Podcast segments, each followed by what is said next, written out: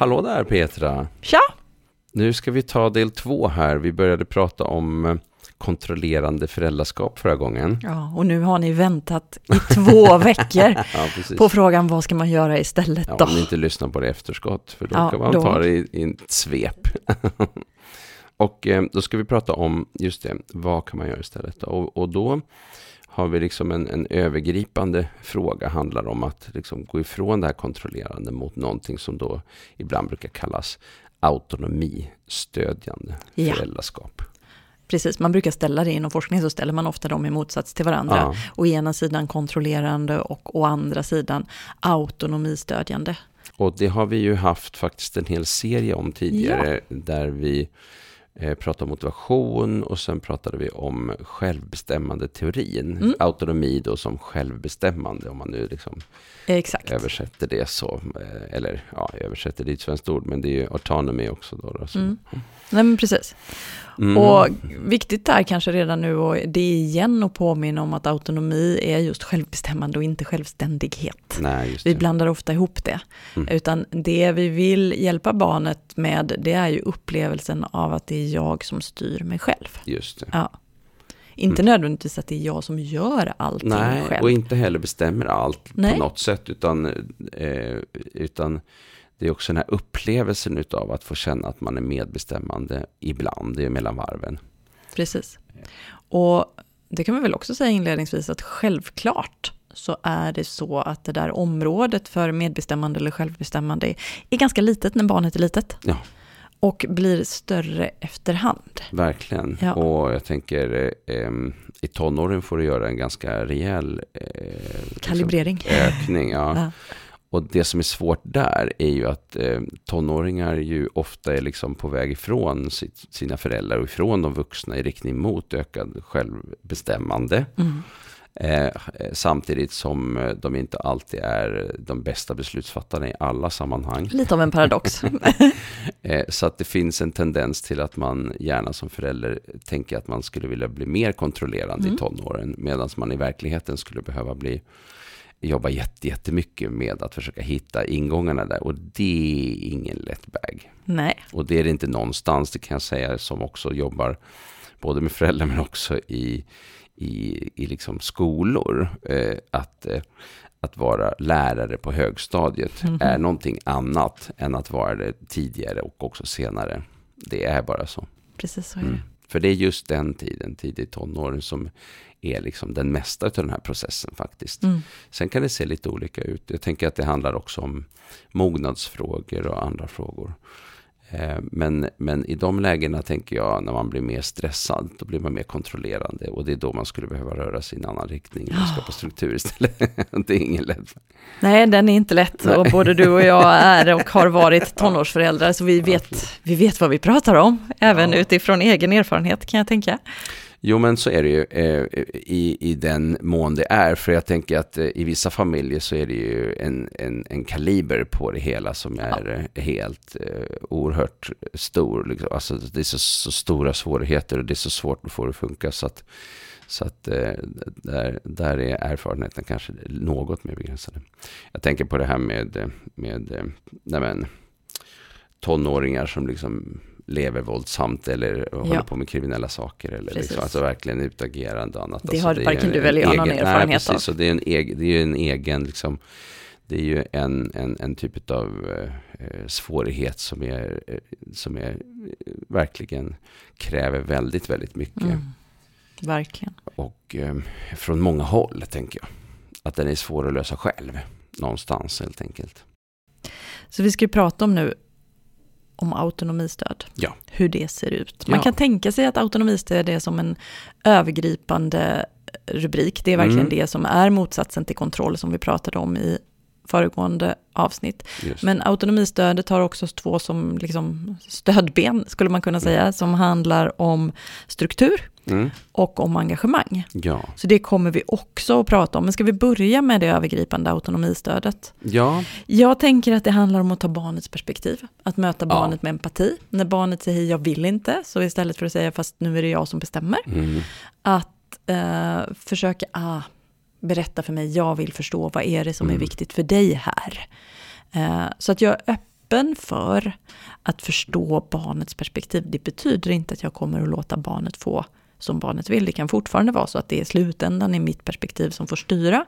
Men det har ju visat sig att de flesta barn har lite lättare för att fördra förälderns bestämmande om de upplever att de har blivit hörda och förstådda. Dessutom, ja. ja. Det där är intressant.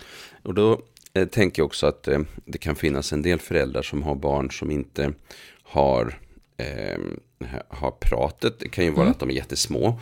Eh, men det kan också vara de som har barn som har eh, funktionsnedsättningar som är så pass stora. Att, och där barnet kanske inte har utvecklat talet eller där det är svårt att få tag på, på barnets egna eh, tankar om sig själv. Alltså det finns inte den här eh, förståelsen för sig själv. Eh, förstå, eller, det är svårt att hitta till känslan. Ja. Um, och där kan man ju behöva jobba med andra typer av strategier än bara prat. Mm. Att ritprata, att använda skalor till exempel. Mm. Där man, att använda ansiktsuttryck som man får sätta på en skala till exempel. och sånt. Det är kopplat till ålder, mognad, möjlighet. Liksom. Men här finns det ju allt mer kunskaper om de här olika sätten att jobba på. Använda sig av visuella metoder och sånt. Vi håller just nu på att skriva en bok om det för skolan som ska heta Samtalsmetodik i skolan. Och där vi också ska göra det för en bok för föräldrar och för förskolan sen också. Men, mm, vad bra. Eh, som, ja, jag tror att den kan bli väldigt, väldigt användbar. För att, eh, eh och inte då enbart för de här barnen som har jättesvårt att prata liksom vanligt ord och, och förstå och sådär. Utan att kanske också för, kunna förstärka en del utav det eh, som man pratar om. Och, och ibland också lite heta situationer med vilken unge som helst så kan det finnas en poäng att eh, inte liksom sitta mitt emot varandra och kolla varandra -hmm. rakt in i ögonen. Utan att, eh, utan att det kanske ibland finns en poäng att, att rita upp något. Jaha, här stod du och lite streckgubbe. Och, och här stod hmm, hmm, och du blev arg på henne eller honom och så vidare. Och så, och så pratar man om vad, vad hände då? Vad sa du då? Vad, mm. vad, vad, tror du hon tänkte eller han tänkte? Och vad gjorde du då? Alltså lite det här, sådana mm. saker. Mm. Precis. Så att um, här finns det ett utvecklingsområde tänker jag. Verkligen. När det gäller att just uh, prata och samtala Exakt. med barn. För... Och ibland så tänker jag samtidigt att vi behöver inte ha ett barn som kan sätta ord mm. På sin upplevelse i situationen för att vi ändå ska fatta vad det var det handlar om. Ibland kan man bara ha en empatisk gissning. Liksom. Mm, mm. Om vi märker att ett och ett halvt-åringen inte vill lämna katten som hon står och klappar. Mm. Eh, då behöver vi inte fråga vad det handlar om egentligen, utan då kan vi bara säga, jag märker att du tycker mm. jättemycket om katten och du vill inte gå från katten, nu är det så. Mm, det. det. är också att ta barnets precis, perspektiv. Ja. Eh, så det finns många nivåer. Ja, precis. Jo, så gör vi ofta med små barn, att vi liksom hjälper dem att få förståelse för sig mm. själv och sin omvärld genom att vi benämner känslor och upplevelser. Eh, det är ju så de också utvecklar ett språk för sina egna känslor. Och självempati. Och förståelse för sig själv, ja, precis. Ja. Mm, och att hitta ett språk för det, för har man hört att eh, eh, att man är arg eller förvånad eller ledsen eller glad eller undrande så kan man använda sig av de begreppen Exakt. senare. Precis. Eh, så. Mm. Då kan man plötsligt få ett barn som säger, men jag undrade bara. Alltså liksom, eller hur? De plockar upp det där vuxenord som känns helt Exakt. awkward för ett litet ja, barn och säga undrade. Liksom. Ja. Men, men ja, ja, nej.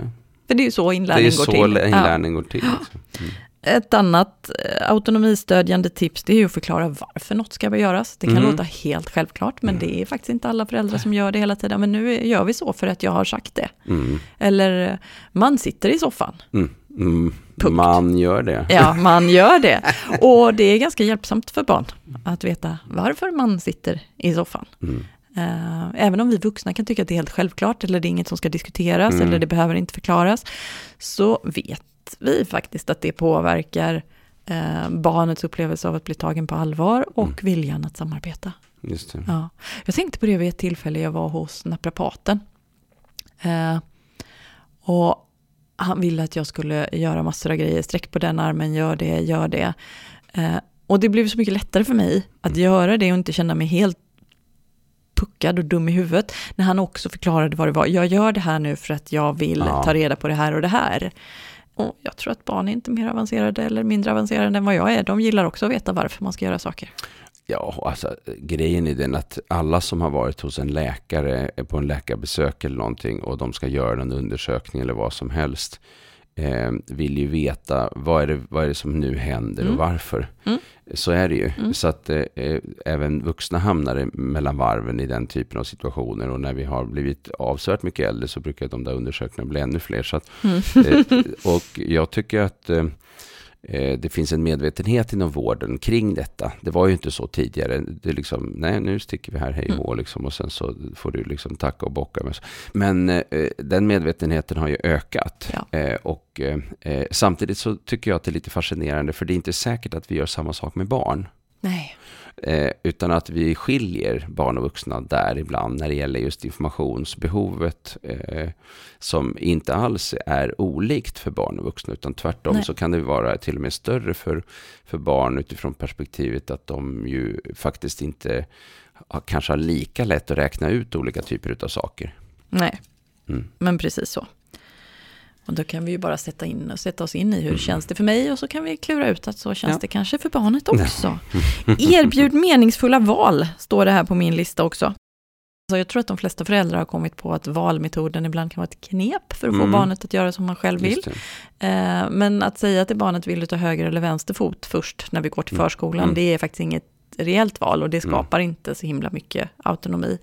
Men kanske att fråga barnet, vill du ha poliströjan eller brandmanströjan Mm. på dig? Eh, Kan faktiskt hjälpa en barnet att känna att jag får vara med Mm, och bestämma. Mm, Eh, Så att erbjuda barnet meningsfulla val kan bidra till en upplevelse av autonomi. Jag vet att du inte vill göra läxan och jag kan verkligen fatta det. Jag hatar också att göra läxan när jag Mm, var i din mm. ålder. Eh, Och så är det ju ändå så att du behöver göra den här. mm, Vad passar dig bäst? Ska du göra det före eller efter middagen? På Mm. lördag eller på söndag? Mm. Liksom. Så där kombinerar man ju då att ta barnets perspektiv med att också erbjuda ett val. Vill du ha hjälp av mig eller av pappa? Mm, Eh, vad det nu kan vara. mm, Eh, sen så ska man ju naturligtvis undvika kontrollerande språk. mm, Ja, om man nu vill stödja barnets upplevelse av att bestämma själv, just. så är får inte, kan, inte, måste, Mm, eh, inte det. jättebra ord att Mm. använda, för de minskar istället barnets upplevelse av, mm, av mm, att bestämma själv. just det. Detsamma gäller ju det här med kontrollerande belöningar. Mm. Ja, om du så. Eller nu du gjorde du sen. precis som jag sa, det var bra gjort Då av får dig. du en Ja. liten... Eh, det bidrar inte heller med autonomi. Nej, det gör ju Nej. faktiskt inte det. Och jag tänker, en av de viktigaste komponenterna när vi pratar om autonomi och självbestämmande, det är ju just att man ska bli bättre och bättre på att ta, fatta egna beslut som rör en själv i riktning mot situationer som också blir bra. Ja. Det är någonstans där vi är. Jag tänker att det där är ju en, en viktig fråga hur den eh, processen går till eh, med att hjälpa, hjälpa till med det. Och, och vi var ju inne på det tidigare att det handlar ju också väldigt mycket om kompetens, alltså eh, eh, hjälpa barnet att kunna. Alltså eh, det här med på vägfärdigheter som man pratar om ibland, eller eh, kan med hjälp. Eh, kan jag hjälpa lite grann för att eh, mitt barn ska klara av det här bättre? Det kan vara struktur, men det kan ju också vara eh, mer handgripligen och då kanske man behöver fråga om lov. Mm. Får jag visa hur man gör när man håller eh, elvispen så att det blir så bra som möjligt? Eh, eh, är det okej? Ja. Eh, så? Eller, ehm, Eller jag skulle vilja prata med dig om en grej. mm, När passar det dig? ja, till och med det. Ja. Precis. Så att man bjuder in till den upplevelsen Mm. av att ja, det är inte valfritt att prata om det här, men du får vara med och bestämma när. Ja, precis. Ja, och Mm. kanske också hur. Ehm, att involvera barnet i problemlösningen är ju också Mm. jätteviktigt. Det här har vi gjort ett helt avsnitt om som handlar om, tror jag, hur man pratar så att barn vill lyssna och lyssnar så att barn vill prata. just det. Det är ett av våra första avsnitt, typ Mm. åt, nummer åtta eller någonting sånt. Ehm, att liksom ta med barnet i, jag upplever att vi har ett problem med det här. Mm. Eh, och jag gissar att du inte heller tycker det är så himla kul när jag blir förbannad på de här Mm, grejerna. Nej, Har du något förslag på hur vi gör framöver så att det liksom det. funkar för både dig och mig? Eh, bidrar naturligtvis också till barnets upplevelse av autonomi. Mm. Mm. Ja. Ja. nej, precis. Mm. Mm, så lite kort var det om och så- så- autonomistöd. Ja, Mm. och så tänkte jag på de här två liksom, eh, eh, delarna under rubrikerna. Då. Ja, struktur Eh, och engagemang. Struktur och engagemang. Men, och i engagemang så har vi ju också variabler då. För man kan ju vara engagerad på ett mera positivt sätt och ett mindre positivt sätt. Ja, man kan vara autonomistödjande engagerad, men man kan också vara kontrollerande engagerad. Just det. Och när vi nu pratar om engagemang så pratar vi om hur ett engagemang som stödjer autonomin. Just, och där finns det också en skala tänker jag som är lite intressant. Eh, som finns med i det här som också har funnits med som man sett i forskning. Det är det här med någonting som man kallar värme och kyla. Ja, Eh, alltså det varma, engagerade, autonomistödjande eh, har en viss betydelse också. Eh, och eh, jag tror att alla har någon slags bild av det här med eh, kylig och varm. Men det ska ju brytas ner i komponenter. Det är inte alltid så lätt nej. Att bryta ner det i komponenter. Man kan tänka sig att en varm är någon som alltid visar kärleksfullhet och, och sådär, omtanke och så. Men, men vi har ju också en kontrollerande kärlek och omtanke som vi pratade om i förra Mm. avsnittet. Eh, eh, som, så den personen kanske upplever sig vara själv, vara varm. Mm. Men upplevs kanske inte egentligen av omgivningen som så varm. nej. Utan mer som beräknande i någon bemärkelse. Så det där är hårfint ibland var, var linjen går.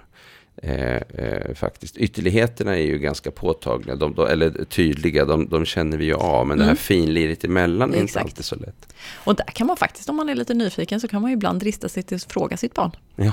Ja. Hur uppfattar du min kärlek? Ja. Skitläskigt, men eh, och kan också vara ganska givande. Ja, just det, Mm. precis. Ehm, hur ser det ut mer konkret då, David? När man är så här autonomistödjande engagerad? Jag tror att det, dels så tror jag att det handlar jättemycket om vilken typ av familj man har och vilka barn man har. Eh, jag ser ju de här familjerna som eh, har barn med stora funktionsnedsättningar. De har ju också från habiliteringen och från nätet och andra ställen eh, sett att det finns en poäng att eh, ha eh, tydlig tavla på väggen eh, med all information om, om vad man ska ha. Eh, Det finns familjer som har en stor whiteboard. Ja. En stor whiteboard, nu med betoning på stor. Alltså det är inte en så här liksom... En, hel En, vägg? ja, det är inte så här där 20 gånger 40 centimeter. Utan det är liksom eh, 1,50 gånger 70 liksom. Mm. Det, det är klassrumsstorlek liksom. Med allting. Alltså, och använder färger och bilder eh, liksom för att visa på vad är det som händer i veckan och vem ska vara var och vem Mm. kommer hit och, vem, och, och när sker det. Och, Och nu är du lite inne på struktur, eller ja, hur? det är ju det, för det, Ja. det är den biten med struktur som jag tänkte på. Ja, Mm. just det. Men ska vi ta det då? Hur ser struktur ut? Mm. Eh, nej, men jag tänker att, för du pratar om autonomi, och då tänker jag att, att eh, strukturen bidrar Mm. eh, med att få riktning, Ja, vilket kan leda till att man blir bättre på att fatta beslut, det vill säga mer autonom. Så, Mm. För att när man kan se saker och ting, mm. se vad som ska hända, så, så blir det lättare att också förhålla sig till det, också att ta egna beslut kopplat till det. precis. Jag ser här att, oj, idag är det tisdag. Och eh, jag ser att det är idag, det är idrott. Det blir lättare då att packa idrottskläderna helt enkelt. Ja, det behöver inte vara Eh, svårare än så. Nej, det skulle kunna vara så. Ja. Och sen vet man ju att i vissa familjer så, så är det jätte, jättetufft med den här biten. Och, eh, och då kanske faktiskt det är så att nej men, de vuxna fixar den där påsen. Mm. Därför att eh, det blir för svårt annars. Och kanske tillsammans. Kom nu så fixar vi eh, gympapåsen. Liksom. Eller så Exakt. petar ner grejerna tillsammans. Och så, och så eh, kanske man inte kan ha den där eh, förhoppningen om att det bara ska liksom funka för barnet att göra det självständigt. Man behöver ju realitetspröva sina Ja. förväntningar liksom. Verkligen, Ja. verkligen. Ja, så tydlig tavla i hallen. Det Ja, är men ett var ju- bra exempel det på struktur. Ja, men det är ett skitbra exempel. Men Eh, också kanske det här med liksom mattider, rutiner för, Ja. eh, för eh, tandborstning eller Mm. läsa innan man går och lägger sig och vad man ska göra, hur, hur kvällsrutinerna ser Mm. ut och, ehm, och, och så. Um, är någon familj som, som eh, fanns i kretsen kring mina barn någon gång. De hade så här att de alltid hade någon slags kvällsfika och det var nästan heligt. Mm. Liksom. Det var nästan som att det lät som att det var mer heligt än, än middagen, men det kanske inte var. Men, men eh, just det man samlas då. Vi har inte haft det i min familj, men, men, eh, men att det, det är någonting som samlar liksom på något sätt. Mm, Och- Precis, ett tillfälle för utbyte av information Ja. och kärlek och allt annat som behövs i en familj. Eh, Jag tänker också på det här med att organisera miljön. Ja, Så att den liksom stödjer det där som vi vill av våra just barn. det. Om jag vill att mitt barn ska hänga upp jackan i hallen så är det väldigt bra om det finns en krok Ja. i rätt höjd. Ja. Eh, Och det här låter helt banalt när jag säger det, men Mm. faktum är att det är jättevanligt att jag pratar med föräldrar Mm. om att alltså, föräldrarna är frustrerade över att barnen inte håller ordning och sen när man börjar prata om, men hur ser det rent konkret ut hemma i hallen då? Mm. Så visar det sig, ja det är ju väldigt mycket grejer och det är ju inte riktigt tydligt var de ska hänga i Nej. jackan och ja, det är svårt att få en plats på, på eh, skohyllan för skorna och sådär. Eh, Så att liksom organisera miljön så att den Mm. möjliggör Mm. eh, det där beteendet som vi vill se av våra barn också. Ja, och det är ju den tydligaste egentligen formen av tydligare pedagogik på en förskola. Det är ju egentligen hallen. Där, där Mhm. har ju varje barn sin egen krok och sin egen... Alltså det skulle ju vara kaos annars. Mm. Eh, verkligen absolut total kaos. Och sen brukar det där fejda ut högre upp i åldrar. Eh, I hemmet är det inte lika vanligt att man har en egen krok till, Nej. till barnen. Om man har flera barn till exempel. Och, så där. och, och ehm, eh, det är ju sånt man kan fundera på i familjer där, det, där man tycker att det är lite kaotiskt. Och nu, nu tar vi det som symbol för, för det finns ju andra saker också. Jag menar tandborstar brukar man ofta ha sin egen liksom. Det är ju klassiskt liksom. Och då kanske man Mm. Det känns upp trevligast på något Ja, sätt. men och då blir det lite så här med färger också. Ja. Eh, och, eh, eller ta, tandborsthuven, de har ju en liten sån här Ja. ring ner till med en färg. Och då kan man ju få en färg liksom, och då kanske man har den. Och sen blir det problematiskt när någon vill byta färg plötsligt, för det finns ju inte så mycket Ja. alternativ. Lägg för familjeråd. Men, men det är intressant, det där är också en form av, utav tydlighet. Men frågan är, på vilka andra områden skulle vi kunna göra det än hall och tandborste? Alltså, eh, eh, så, och eh, det där kan Städningen man ju upplever fundera jag på. att det i många familjer skulle vara väldigt hjälpsamt med lite mer struktur. Ja, verkligen. Ja, alltså mina barn klarar inte av att städa. Nej, men Mm. alltså hur lätt är det att städa då? Mm. Ibland är det ju så att föräldrarna har bestämt att just den saken ska vara på just den hyllan och den ska Just stå det. på det sättet. Det kan vara Ja. svårt att leva upp till förälderns krav. Eh, det kan också vara liksom lite, ah, vi städar lite olika från dag till dag, Mm. men om man har den röda lådan ska allt lego ligga i och i den blåa lådan där lägger vi dockorna. Eh, alltså då blir det lättare för ungarna också. Så är det ju. Eh, sen ibland så är det lättare att få barn som är 3, 4, 5 och städa Ja. än eh, tonåringar. Tonåringar, att- eller äkta män i 51-årsåldern. ja. ja, vad kan vi säga mer om struktur då? Jag tänker mer så här också på, eh, vi har varit väldigt konkreta nu Mm. i nästan miljö, vi har pratat miljö, men även liksom vi kan vara, struktur handlar också om förväntningar och krav och, Mm. och sådana saker. Att det, det är tydligt för barnet att det här är vad jag förväntar mig av dig i den här situationen.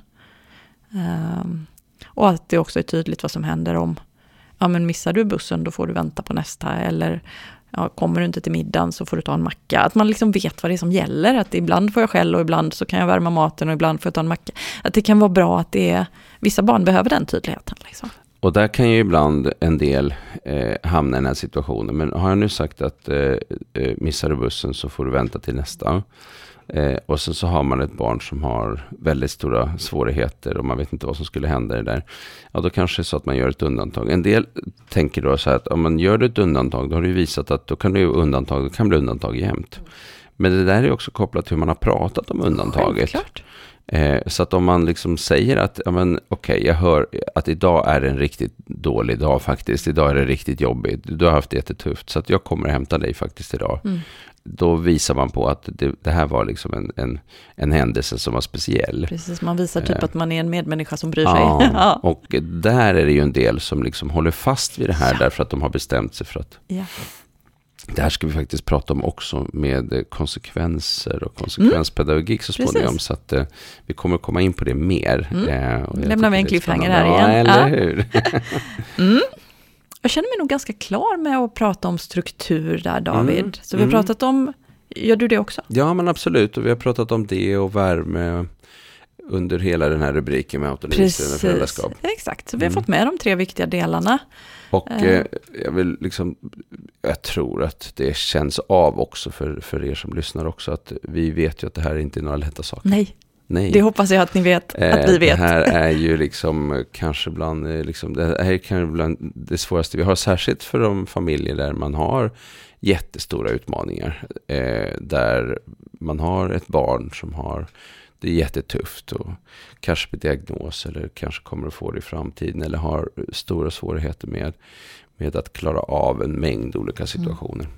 Och jag vill också säga, ibland vet jag när jag pratar om det här att det låter som att jag tycker att i stunden när man står där och det är Mm. hett så bara, ja men då ska jag ge barnet ett val. Mm. Och då är det folk som säger, ja men det funkar ju inte liksom. Nej. Du har inte varit med mitt barn i den stunden. Och det är inte riktigt så vi tänker, Nej. utan det vi pratar om nu, det är mer så här viktiga ingredienser som behöver finnas i familjelivet. Och ju mer det finns av det här, desto mindre strul, konflikter, eh, hoppas vi och vet vi Mm. att man hamnar i. Ja, men precis. Ja, så att tänk på det mer som så Jag än att vi säger att vi lite- ska byta något i en Mm. given stund. Nej, jag tänker på, på de här begreppen hantera, utvärdera, förändra. Ja, Eh, att eh, vi hanterar situationen i stunden och eh, det kanske inte blir så bra.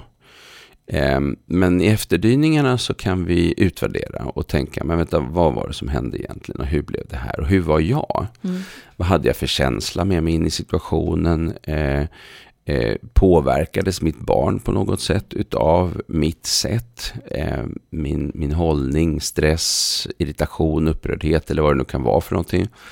Eh, och ehm, eh, eh, så att man utvärderar för att kunna eh, nästa gång hitta ett bättre sätt. Det är lite där vi är. exakt. Och då tänker jag så här att eh, visst, det går inte att hantera alla situationer på bästa sätt. Men då ska vi åtminstone, kan vi åtminstone försöka utvärdera för att sen se om vi vi skulle... får ju det nya kunde- chanser hela Ja, vi får tiden. Det är det som är så himla bra i det vuxna ledarskapet. Ja. Ja, Ja. bra. Tack för idag. ja, men tackar. Hej, hej.